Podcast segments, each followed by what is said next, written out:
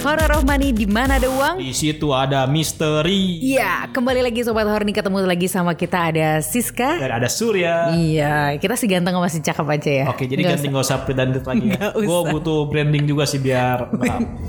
Tapi lo udah begitu. enggak. Nah, eh, ngomong-ngomong ya, sekarang itu lagi musim Covid yang semakin meningkat. iya, tapi kalau yang gue tahu sih sekarang musim kemarau sih. Oh iya, enggak sih, pas kapan hujan juga Oh iya, sih. Jadi Covid itu udah semakin meningkat banget dan itu tuh berpengaruh di berbagai aspek ya. Maksudnya kan sekarang kemarin ada pengumuman tentang PSBB total, ya kan di Jakarta. Nah, terus eh, efek-efeknya banyak banget mulai dari di apa perkantoran-perkantoran itu kan eh, bisnis juga udah mulai agak susah, nggak lancar lagi kayak gitu. Terus eh, di apa diprediksi juga akan ke resesi kayak Waduh, gitu. resesi itu Krisis, apa tuh? krisis. Krisis, bukan resesi. Enggak, iya. Ngurang sih. Oh iya iya iya iya iya. Lu lebih tahu. nah, ini tuh eh, jadi inget tahun 98 gak sih, Sur? Iya, tapi waktu itu gue masih SD sih, jadi gue masih Lu kecil kalau lah. lu ngomong SD berarti gue harus ngomong dong waktu itu gue di Iya, bener emang. nggak perlu lah ya. Pokoknya itu di tahun 98 itu kan terjadi krisis besar-besaran kan, di mana harga mengalami peningkatan yang sangat eh, tinggi banget Iya. gitu. Terus efeknya macam-macam lah ya. Waktu itu kan yang masih kecil, kita nggak tahu Gue Iya. masih kelas apa-apa. 2 SD, waktu itu kerusuhan, gue di sekolah. Lu 2 Pulang. SD? Iya beneran, Beneran kelas 2 SD. Bohong. Gak percaya, ya ampun ya KTP gue deh. Oh ya udah gue udah jadi guru waktu itu. iya disuruh pulang sama guru, cuman kita gak bisa pulang. oh iya. Iya banyak teman gue yang nangis karena takut nggak bisa pulang ke rumah. Emang sekolahnya jauh dari rumah? Enggak sih, paling cuma 20 menitan. Tapi naik ojek biasanya ke sekolah. Oh, zaman dulu udah ada ojek online Dan belum? Di daerah gua kan rumahnya daerah-daerah yang di lumayan diserang. Oh, oke oke oke. Nah, makanya ini kita juga pengen tahu sih sebenarnya bedanya apa sih krisis 98 sama sekarang gitu. Apakah sama juga apakah eh, kita kan waktu itu nggak terlalu merasakan karena masih kecil kan. Tapi eh, seperti apa sih dulu tuh ceritanya? Makanya di episode ini kita akan mengundang salah satu tamu yang akan bercerita. Iya. Siapa nih tamunya nih? Siapakah dia? Deg-degan deh. Ngapa deg-degan kan cowok? Oh iya bener juga. gue yang pramugari yang lainnya deh. Oke deh kalau gitu nanti kita akan eh, ngobrol langsung. Langsung aja kita akan ketemu dengan Bang Rustam. Wis ya. Tapi BTW Bang Rustam siapa? Dia adalah jurnalis eh, Harian Bisnis Indonesia dan kebetulan di tahun 98 itu dia juga eh, berada di situasi itu. Jadi dia me- merasakan kayak gitu pahitnya, getirnya, Iya. susahnya kehidupan waktu itu. Jadi ingat dulu ada ikan krismon ingat nggak? Enggak. Oh enggak ya? kan masih kecil. doang ya? Oh iya masih kecil. ada ikan krismon. Halo, sekarang kita sudah bersama Bang Rustam nih. Halo Bang, apa kabar Bang? Baik Surya, oke. Oke, Iya. nah kali ini Sur kita eh, kayak yang tadi kita udah ceritain kita akan eh, ngobrol tentang krisis ya. Iya, krisis yang kalau sebentar lagi kan kita kan katanya terancam resesi ya di kuartal 3 ini nih. Nah, kita pengen lihat juga kan kemarin tadi yang kayak tadi kita udah bilang pengen lihat bandingin sama 98 dan sekarang tuh bedanya apa sih? gitu. Benar. Dan kebetulan sekarang ini Bang Rustam ini adalah seorang jurnalis senior dari Bisnis Indonesia yang juga sekaligus eh, apa ya saksi atau mungkin mengalami bagaimana getirnya krisis ekonomi di tahun 98 itu. Terus merasakan lagi di 2020 ini juga kan. Jadi bisa membandingkan ntar gimana sih bedanya gitu. Iya, kalau dulu nggak ada WFH kan. Iya. Dulu ada WFH nggak waktu 98 Bang?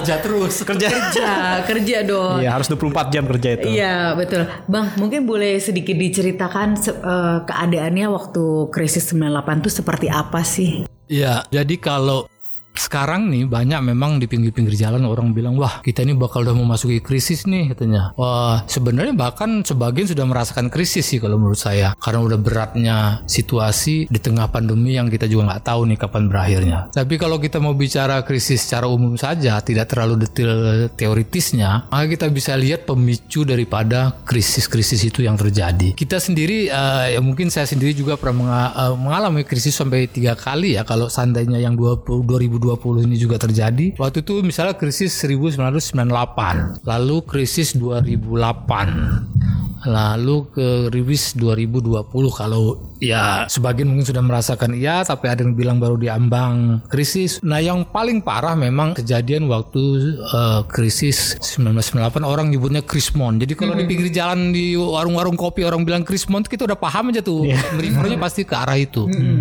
Kalau krisis 1998 itu itu lebih kepada diawali dengan semacam krisis likuiditas, lalu semacam uh, krisis utang sampai ke krisis ke uh, mata uang rupiah. Itu awalnya sih krisis 98 itu di, dipicu di situasi perekonomiannya Thailand waktu itu. Pemerintah Thailand yang punya beban utang besar itu menghadapi spekulasi dari para spekulan terhadap mata uang batnya. Lalu pemerintah Thailand waktu itu coba memutuskan mencari jalan dan lalu memutuskan untuk mengambangkan dia punya mata uang bat itu. Ternyata harapannya tujuannya dia dengan apa bisa merangsang ekspor ya, dia merangsang apa namanya uh, pendapatan ekspornya lebih tinggi gitu hasil ekspornya dengan mengambangkan batnya. Ternyata itu malah jadi uh, bumerang sehingga para spekulan ini terus menghajar bat makin terpuruk. Nah ternyata melemahnya bat ini menjalar ke Asia Tenggara. Yang paling terkena itu adalah kita Indonesia. Makanya itu waktu 98 tuh saya ingat ada istilah krisis Asia Timur ya, Asia Tenggara, Asia Timur ya. Karena ada tiga negara yang paling berat itu Thailand, Indonesia dan Korea Selatan. Kalau beberapa negara lainnya seperti Malaysia, eh, Singapura itu dampak-dampaknya ke perdagangan sajalah yang berkaitan. Tapi yang paling berat sekali yang yang dirasakan adalah Indonesia karena Indonesia waktu itu rupiahnya juga akhirnya ya jadi kayak wabah juga rupanya. Jadi melemahnya bat ini merembet, melemah ke mata uang mata uang Asia. Jadi investor-investor yang dulu pegang mata uang Asia ini kembali cari dolar dia buanglah mata uang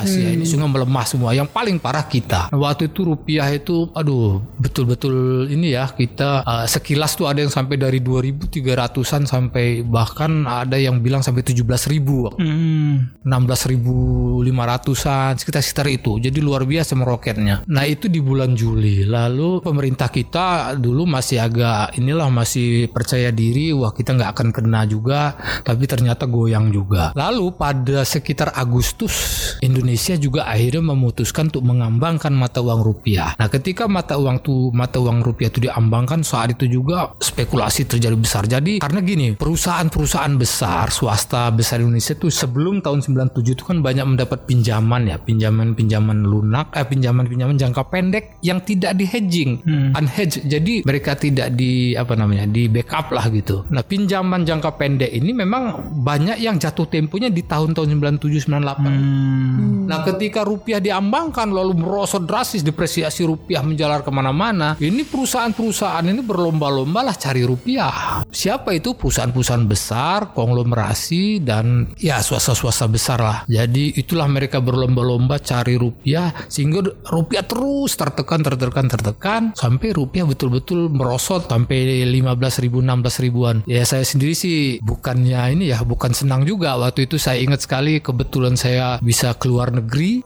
Lalu saya dibekali oleh kantor. Mbak Meli waktu itu di sekret dia bekali. Wah saya ingat satu dolar itu masih 2300an pas saya pulang saat itu sudah 12 ribuan. Jadi kayaknya saya Cuan, cuan. agak cuan dikit-dikit lah.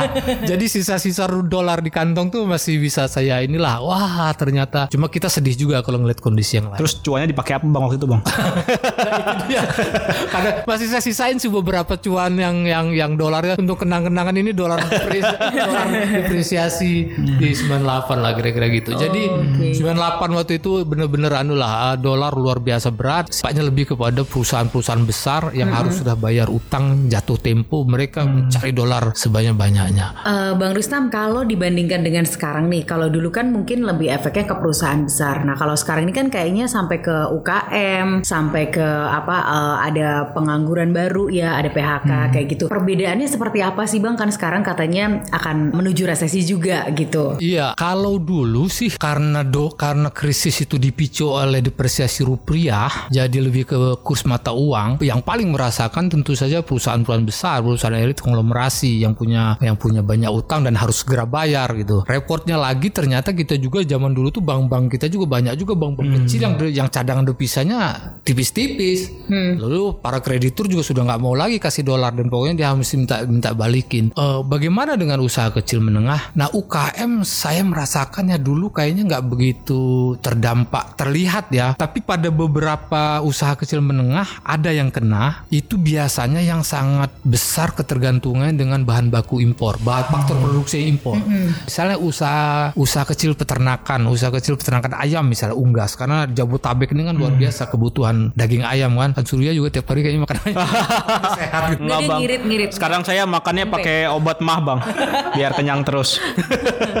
Dari dulu memang kita konsumsi ayam gitu kan luar biasa. Nah, saya ingin menyoroti usaha kecil perunggasan kalau istilahnya. Ada lagi misalnya usaha kecil ayam, ayam lah, ayam potong, ayam pedaging, ayam petelur gitu. Nah, faktor produksinya usaha kecil ayam ini atau perunggasan ini beberapa faktor produksi itu memang masih ada unsur impornya. Contohnya ini misalnya eh, pakan ternaknya. Pakan ternak itu salah satu komponen pembentuknya adalah jagung. Dari dulu yang namanya jagung kita masih impor untuk pakan. Saya ingat betul sumber impor kita eh, terutama tuh dari Brazil, dari Amerika, dari Argentina. Itu ada pemain-pemain besarnya lah yang mengimpor jagung. Itu untuk pakan, belum lagi konsentratnya. Lalu ada lagi yang produknya faktor produksinya masih diimpor tuh adalah DOC. DOC itu day old chick. Ada yang bilang one day old chick atau anak ayam umur sehari.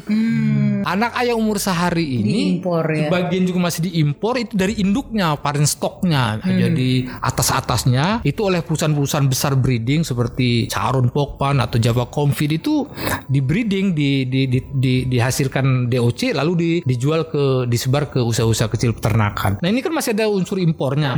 Jadi kalau yang impor pasti berat karena dia mesti bayar dengan dolar. Iya. Saat itu dolar lagi parah-parahnya.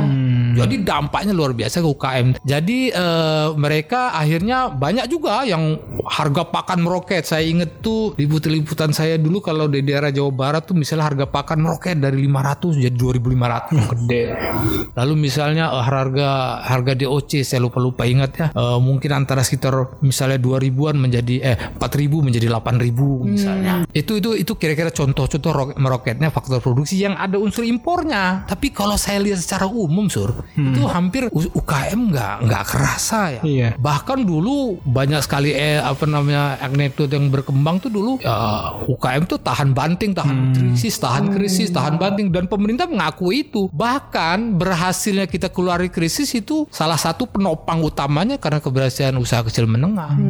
Lalu mungkin nanti sudah cerita bagaimana tuh usaha perunggasan itu bisa keluar dari krisis. Nah, ini hebatnya lagi karena usaha perunggasan atau peternakan ayam juga sudah menerapkan sistem agribisnis yang bagus.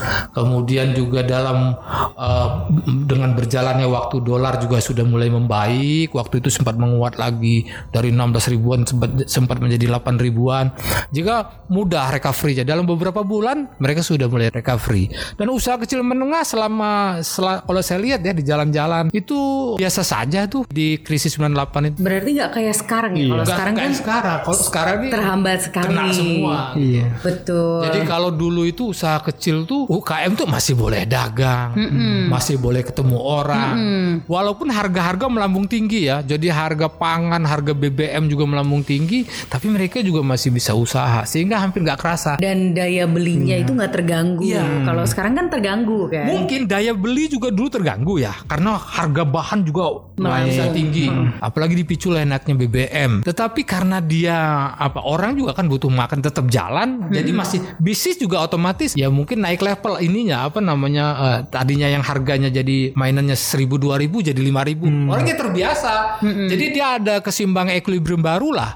Sehingga orang juga yang mahal dia mampu juga beli tapi dia juga bisa menjual dengan mendapatkan keuntungan yang juga tinggi gitu loh. Dan beberapa UKM yang orientasi ekspor itu malah untung besar kalau waktu dulu waktu di 98 dulu. Misalnya ya kalau komoditas perkebunan yang ekspor-ekspor CPO, ekspor hasil pertambangan, ekspor perikanan langsung ya ikan-ikan jadi, ikan hidup itu luar biasa dapat untungnya mereka gitu. Jadi saya juga kebetulan saya dulu juga liputannya pegang di agribisnis UKM. Saya lihat sih kalau di usaha kecil yang perikanan itu nggak ada masalah buat mereka. Senyum-senyum rokok-rokok aja tuh mereka.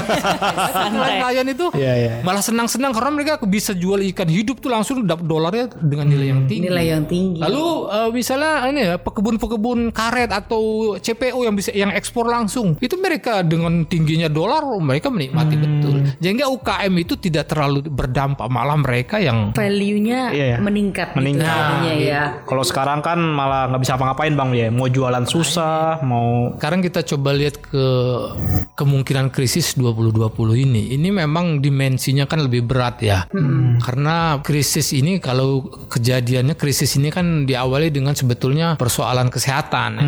Eh, lalu juga memang diperburuk oleh apa situasi perdagangan eh, global ya. Misalnya eh, perang dagang Amerika Cina yang mungkin saat ini juga masih panas dingin aja gitu ya. Eh, kemudian harga-harga komoditas juga komoditas utama tuh seperti batu bara, CPO juga lagi merosot sehingga dolar dolar juga terus naik. Ditambah lagi parahnya dengan pandemi ini. Pandemi ini memang belum ada yang berani memprediksi sampai kapan sih gitu.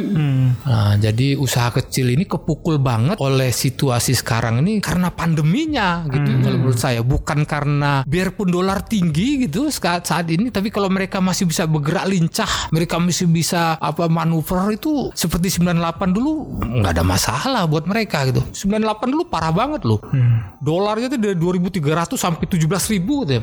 Jauh banget ya. iya. jauh kalau sekarang kan main di 12.000 ribu 13.000 ribu naik Iya. 14 15. jadi nggak kerasa juga Iya. naik ke sini bagi mereka juga nggak tapi jadi parahnya mereka tidak bisa bergerak Hmm. Produktivitasnya turun. turun dan mereka kalau mereka mau ber- tetap bertahan mereka rugi. Nah saya mau bilang gini kenapa mereka bisa rugi gini karena ekonomi sekarang nih pandemi ini benar-benar masif pengaruhnya. Dia berpengaruh kepada tidak hanya di faktor produksi tapi juga di, di, di- di lini serap serapan pasarnya ini nggak ada. Sekarang kita lagi ke usaha kecil peternakan ayam lagi tadi. Sekarang ini pasar-pasar institusi kan pada tutup dilarang buka. Restoran dilarang buka.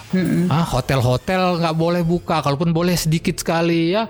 Usaha-usaha perkawinan apa yang di di di apa catering catering itu kan itu kan pasar-pasar institusi yang juga menyerap gitu selain pasar becek. Nah kalau peternak ini dia coba terus dia usaha budidaya tapi kalau der- saya daya, daya serap pasar institusi tadi itu lemah nggak ada kan mereka mau jual ke mana bertarung di pasar becek nah sekarang nih repotnya mereka be- bertarung di pasar becek perusahaan-perusahaan besar pun sekarang sudah langsung ikut jualan ke pasar becek lewat agen-agennya Iya. pasar becek tuh maksudnya pasar-pasar tradisional itu Iya. loh. yang surya kalau mau beli ayam mau bakar beli satu saya Dia biasanya tinggal makan doang. Nah, ya gitu.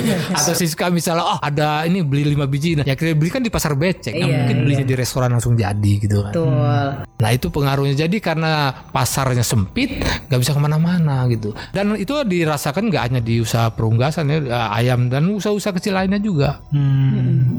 Contoh ya, kalau nggak salah dua bulan tiga bulan lalu ada petani petani petani di Malang yang dia lempar hasil usahanya ke jalan raya karena kalau dia jual rugi dan nggak ada diserap sama tengkulak pengumpul itu udah ditekan-tekan harganya jauh di bawah biaya produksi mereka. Jadi nggak balik gitu loh. Nah itu yang buat mereka berat. Kenapa? Karena gini para pedagang pengumpul ini juga berat. Dia mau bawa dia punya hasil produksi ini dia ketahan-tahan oleh PSBB Iya. PSBB di daerah-daerah. Lalu kalau tidak memenuhi disuruh balik lagi gitu loh. Belum lagi mereka hanya bisa lempar ke pasar becek. Kalau ke pasar-pasar yang institusi tadi udah tutup. Akhirnya mengandalkan pasar becek pun hanya setengahnya sedikit sekali. Menyerap hasil panen petani yang sedikit ini sisa yang punya petani ini kan masih banyak. Itu yang mereka buang-buang tuh. Yang kemarin juga sempat saya tulis juga itu. Yang mereka lempar ke jalan raya semua mobil lewat mereka bagi-bagikan aja. Karena percuma gitu. Kalau mereka jual mereka tetap rugi juga. Udahlah. Mereka buang ke sungai tomat segala macam lah itu. Saya ingat itu dua tiga bulan awal-awal. Ya baru sebulan pandemi berjalan lah. Waktu itu baru PSBB PSBB lagi lagi gencar-gencarnya. Gitu. Tapi kalau di tahun 98 kalau sekarang kan eh, kita kita bekerja kantoran nih ya. Kan iya, kita iya. ada WFH, WFO seperti itu. Kalau dulu kan mungkin yang saya dengar ya pada saat itu ada yang tutup perusahaannya. Nah, kondisi sebenarnya tuh kan juga sebenarnya kita berkurang juga ya produktivitasnya. Iya. Agak kesulitan dalam berkomunikasi di uh, dalam bekerja, kemudian juga berbisnis kayak gitu. Nah, dulu tuh begitu juga nggak sih? Kalau dulu saya perhatikan sih hampir walaupun uh, biaya hidupnya tinggi meroket, tapi karena orang tidak ada larangan, tidak dilarang keluar, tidak di tidak dibatas-batasi, masih boleh ketemu. Jadi orang masih bisa cari manuver ke mana-mana, cari lubang lah istilah cari bisnisnya masih jalan, walaupun berat, tapi masih jalan. Seiring dengan berjalannya waktu 2-3 bulan, 4 bulan recovery itu.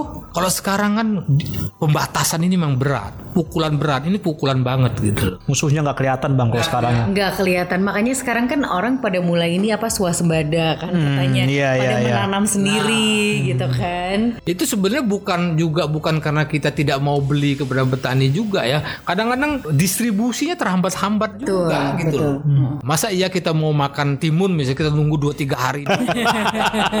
Jadi ya banyak lah ini apa pandemi ini ya semua aspek tuh kena gitu. Ini masif banget. Ini repotnya. Jadi kalau 98 dulu 2 3 bulan 4 bulan udah bisa recovery bahkan di 99 itu udah mulai bagus lagi di era Habibie waktu itu presiden yang baru kita sudah mulai pelan-pelan mulai recovery walaupun masih ada di pemain-pemain bisnis besar elit-elit perusahaan-perusahaan swasta besar tuh ya kita nggak tahu ya konglomerat-konglomerat tuh yang naruh uangnya masih di, di luar gitu naruh uangnya masih di luar belum kembali kayak jalan terus Kalau menurut Bang Rustam nih untuk yang katanya kita sebentar lagi juga akan eh, nggak kelihatan kan kita mau sampai kapan ini. Kira-kira tipsnya tuh apa Bang? Kalau dulu abang waktu resesi yang 98 Cara menghadapinya. Jadi kuncinya sih bukan tips ya, saya kira kuncinya tetap di kita bagaimana menyelesaikan pandemi ini dulu. Disiplin lawan pandemi ini disiplin dalam semua aspek. Jadi kita mesti turut betul nih. Kalau yang namanya protokol kesehatan tuh sudah sudah given lah, nggak jangan ditawar lagi itu. Yang namanya pakai masker, cuci tangan, jaga jarak, jauhi kerumunan kalau tidak terpaksa gitu kan bisa kita disiplin kita ini ya lebih cepat ya lebih cepat recovery gitu. mudah-mudahan ambang di ambang resesi ini bisa kita hindari Kembali Iyalah. ke kita Iya. ya. kita harus mengikuti protokol kesehatan dan sebagainya. Soalnya pas transisi kemarin sih kalau dilihat di jalan-jalan tuh di pasar itu pada nggak ada yang pakai masker, pada nekat, jadi Iya kayak udah kayak biasa aja gitu biasa ya. aja. Nah bang kan kalau sekarang nih kita takut banget keluar, takut banget eh, berkumpul karena covid nih bang. Kalau tahun 98 tuh apa yang Nah, dipanggil ditakutin Iya. bang? Jadi kalau di 98 itu kita lebih kepada ketakutan pada situasi, eh, situasi sosial politik ya. Jadi ketika setelah rupiah itu eh, terus terdepresiasi, melemah-melemah, kepercayaan publik juga kepada pemerintahan Soeharto waktu itu juga udah mulai ya kalau bisa dibilang udah muak lah karena dia sudah terlalu lama dan kondisi kesehatan Soeharto juga memang makin memburuk, spekulasi ke mana-mana itu. Nah begitu pemerintah saat itu sudah tidak mampu lagi mengatasi krisisnya karena dolar yang begitu tinggi lalu minta bantuan IMF waktu itu IMF datang dengan 43 miliar dolar ya masih bantuan bailout istilahnya tapi dengan banyak syarat. Salah satunya reforma yang paling berat itu ya reformasi keuangan penutupan bank-bank yang semuanya tidak dijalankan eh, tidak dipatuhi betul oleh Harto waktu itu. Jadi IMF misalnya minta pengurangan subsidi pangan pengurangan subsidi BBM langsung. Soeharto tidak terlalu ikuti lah tapi setelah krisis sudah tidak tidak kuat lagi menahan krisis maka kalau nggak salah pada Mei waktu itu Soeharto memutuskan untuk menaikkan BBM ini pemicu paling paling krusial juga di situ. BBM tuh 600 700 ya 600 700 menjadi sekitar 1200 atau 1300an begitu. Seharga uang jajan saya bang. Soeharto langsung saja naikkan. Saya ingat betul sekitar kira-kira Mei lah awal-awal Mei. Dan itu langsung disambut oleh masyarakat dengan letupan demo dan demo ketidakpuasan. Karena sudah diawali dengan ketidakpuasan sebelumnya terhadap kinerja Soeharto dan kroni-kroninya gitu. Mereka sudah muak. Begitu Soeharto naikkan BBM udah demo di mana terjadi. Saya ingat betul ya waktu itu kita di bisnis Indonesia tuh kita masih di Sleepy gedungnya lumayan tinggi. Jadi begitu udah mulai meletus-meletus demo-demo di mana-mana bakar-bakaran kita nengok kiri uh tuh mall Ciputra yang di Grogol udah mulai kebakaran api begitu kita nengok ke kiri ke kanan ih itu mall Sleepy Plaza udah mulai kebakar. Kita lihat Tanah Abang mulai kebakar. Jadi kita nonton dari atas tuh asap sana, asap sini, api sana. Wah, pokoknya udah mulai mencekam. Malam itu benar-benar mencekam. Kerusuhan sudah luar luar liar betul dan me- merembet ke berbagai kota-kota besar. Masuk di Medan ya, Surabaya, di Makassar. Sudah betul-betul berat sehingga malam itu ya, saya ingat betul teman-teman redaksi sampai ada disarankan yang kira-kira berat nggak bisa pulang minum aja di kantor. Nah, saya ingat betul pencarahan sudah terjadi di mana-mana ya. Jadi karena kantor kita tuh waktu itu dekat dengan Sleepy Plaza, saya menyaksikan langsung bagaimana orang ramai-ramai ambil itu mesin ATM diseret keluar. Padahal mesin ATM itu kan dari besi ya. Iya. Tapi dia seret dia bawa ke tempat apa namanya tukang las. yang orang keluar masuk hilir mudik ngambil barang. Pokoknya penjarahan tuh sudah udah udah bener-bener kacau lah, kacau banget. Dan saya ingat betul juga waktu pas saya pulang ke arah Ciputat, saya lewat waktu itu ada Goro. Goro itu kan kulakan besar ya. Iya, iya. Dia punya dorongan tuh besar-besar gerobak dorong itu. Itu gerobak dorong itu terus berserakan di sepanjang jalan itu. Orang habis menjarah dengan bawa dengan barang dengan dorongan, dorongannya digeletak-geletin di depan-depan rumah. Jadi benar-benar mencekam betul masa itu ya. 98 waktu itu setelah sehingga Soeharto waktu itu akhirnya memutuskan turun kan. Nah jadi di situlah Soeharto me- meletakkan jabatan. Tapi ya itu eh, demo-demo masih terus berlangsung sampai akhirnya seiring dengan waktu mereda, mereda, mereda.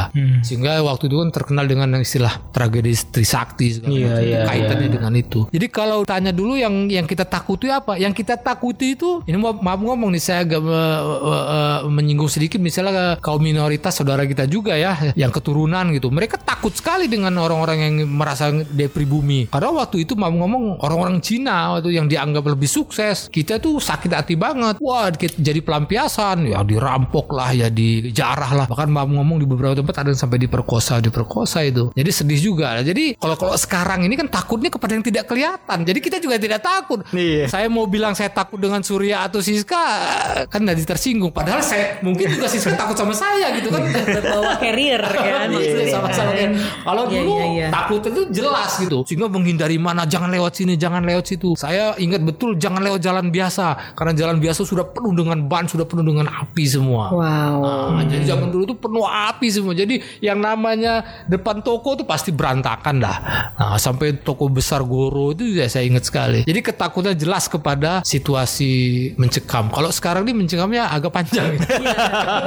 mencekam Tapi masih bisa senyum-senyum karena kita Masih. tidak langsung kita tidak jelas di siapa yang harus kita takut. Iya. iya iya iya Dan gak ada bakar-bakaran bang. Kalau dulu kan ada bakar-bakaran nih. Kalau sekarang bingung nih bang. Karena kalau kita bakar bareng-bareng makan itu kita malah nggak boleh sekarang. Iya. Kalau dulu malah rame-rame yang bakar. iya iya iya Mau demo pun nggak bisa bang sekarang kan. Harus jaga jarak, pakai masker. Kalau dulu harus harus rame, harus harus harus ada jarak, harus tidak berjarak supaya Iya. seru kan gitu. Kalau sekarang nggak boleh lagi deh. Harus berjarak. betul Nah, kira-kira ya. situasinya. Iya iya iya. iya. Jadi jelas lawannya itu siapa. Makanya kuncinya sih kalau kembali lagi gimana kita bisa mengakhiri semua, memang kuncinya di kita harus selesaikan krisis kesehatan ini. Pada beberapa negara kan kelihatan sudah mulai menurun ya. Potensi itu masih ada. Berarti eh, memang kuncinya kita itu harus menjaga kesehatan diri kita sendiri Iya. dulu gitu ya. Kalau kita nggak mau ini berkepanjangan gitu. Biar kita bisa menyelesaikan krisis kesehatan ini dulu gitu ya bang ya. Kalau krisis pemulihan recovery ekonomi itu itu cepat kalau kita Setelah itu kita bisa meroket 7% ya bang ya. Iya. Oke. Oke deh kalau gitu. Eh, Sepertinya sangat menginspirasi ya. Jadi kita Iya. jadi tahu ceritanya dulu dan sekarang seperti apa. Mungkin buat sobat Horni ini juga bisa jadi berpikir juga. Oh apakah sekarang eh, aku harus kayak gimana nih gitu menghadapi ini. Ini kan sesuatu yang nggak kelihatan. Berarti kan memang kita harus berjaga-jaga diri kita sendiri. Iya sih. Karena kalau bukan dari kita sendiri dari siapa lagi gitu kan. Dan satu hal kita nggak boleh pesimis karena pandemi ini masih dampaknya ke seluruh dunia. 200 negara. Saya kira kalau kita mengeluh soal pandemi, hampir di ujung negara mana pun akan mengeluh hal yang sama. Jadi tidak ada gunanya juga. Kita harus mengeluh kepada siapa. Intinya sih sekarang bagaimana kita bisa pastikan bahwa kita sehat, pastikan lingkungan kita sehat, lalu kita tetap berpikir kreatif. Itu saja. Sehingga pelan-pelan kita bisa eh, recovery dengan Pasti bang. Betul. Ini petuahnya sangat bagus loh. Pertama sehat dulu, habis itu harus mikir kreatif. Iya. Kan susah nyari duit. Nah iya. Nih kayak Bang Rustam siap jadi presiden 2024 kayak bang. Bang. Klub bola. Oke deh kalau gitu terima kasih sekali Bang Rustam untuk waktunya hari ini. Semoga saja itu nanti menginspirasi. Dan bisa menjadikan eh, gambaran buat kita belajar ke depan harus ngapain lagi gitu. Betul. Oke kalau gitu thank you Bang. Oke, Iya. makasih ya. Sampai jumpa lagi ya Bang ya. Jumpa lagi. Makan siangnya kok kita belum dapat nih Bang. Oke, Surya Siska, terima kasih ya. Thank you thank you. Oke, itu tadi obrolan kita bersama eh, Bang Rustam tentang perbedaan antara krisis 98 dengan kondisi saat ini 2020. Nah, dari sini kita sih kita bisa simpulkan sebenarnya perbedaan signifikannya adalah hmm, musuh yang kita hadapi sekarang tuh nggak kelihatan gitu. Kalau dulu mah eh, masalah sistem keuangan, masalah likuiditas, utang negara, kurs rupiah itu kelihatan bisa lah pakai strategi teori ekonomi sebagainya. Kalau sekarang gimana caranya? Gak bisa gitu. Ini tuh sekarang harus strateginya harus customize gitu gak Nah, sih? iya. Harus misalkan nggak selalu di negara itu bisa dilakukan di negara kita bisa gitu. dia. Demografi kita beda. Hmm, kebiasaan kan. Nah itu dia. Masker nggak pakai masker. Lu nggak pakai? Ya kan lagi di sini nggak boleh katanya gue pengen pakai masker masker. Iya Nggak deh. boleh. Iya, ya udah kalau gitu sobat horny yang penting jangan lupa untuk selalu pakai masker gitu Iya. kan. Terus eh, untuk selalu menjaga kesehatan, cuci tangan gitu. Terus mandi sur lu sehari dua kali kan pulang kerja. Iya. Cuci, cuci muka, Betul. Jangan lupa pokoknya jaga sikat kesehatan. gigi takut. Jaga jarak gitu. Masa lu tiap hari nggak sikat gigi? Tapi kata suatu iklan katanya kalau kenapa gigi kita rapuh karena kita terlalu banyak deterjen di sikat gigi. Jadi kita pakai sikat gigi itu aja. Itu iklan sih. Dasar. Ya udah kalau gitu jangan lupa ya buat teman-teman sobat horny yang pengen bercerita juga tentang seputar keuangan baik itu eh, horor gitu atau mungkin hal-hal lain yang pengen di-share ke kita langsung aja bisa email ke Untuk mimin at bisnismuda.id. Kalau mau curhat bisa kontak saya. Surya underscore Rianto. Eh.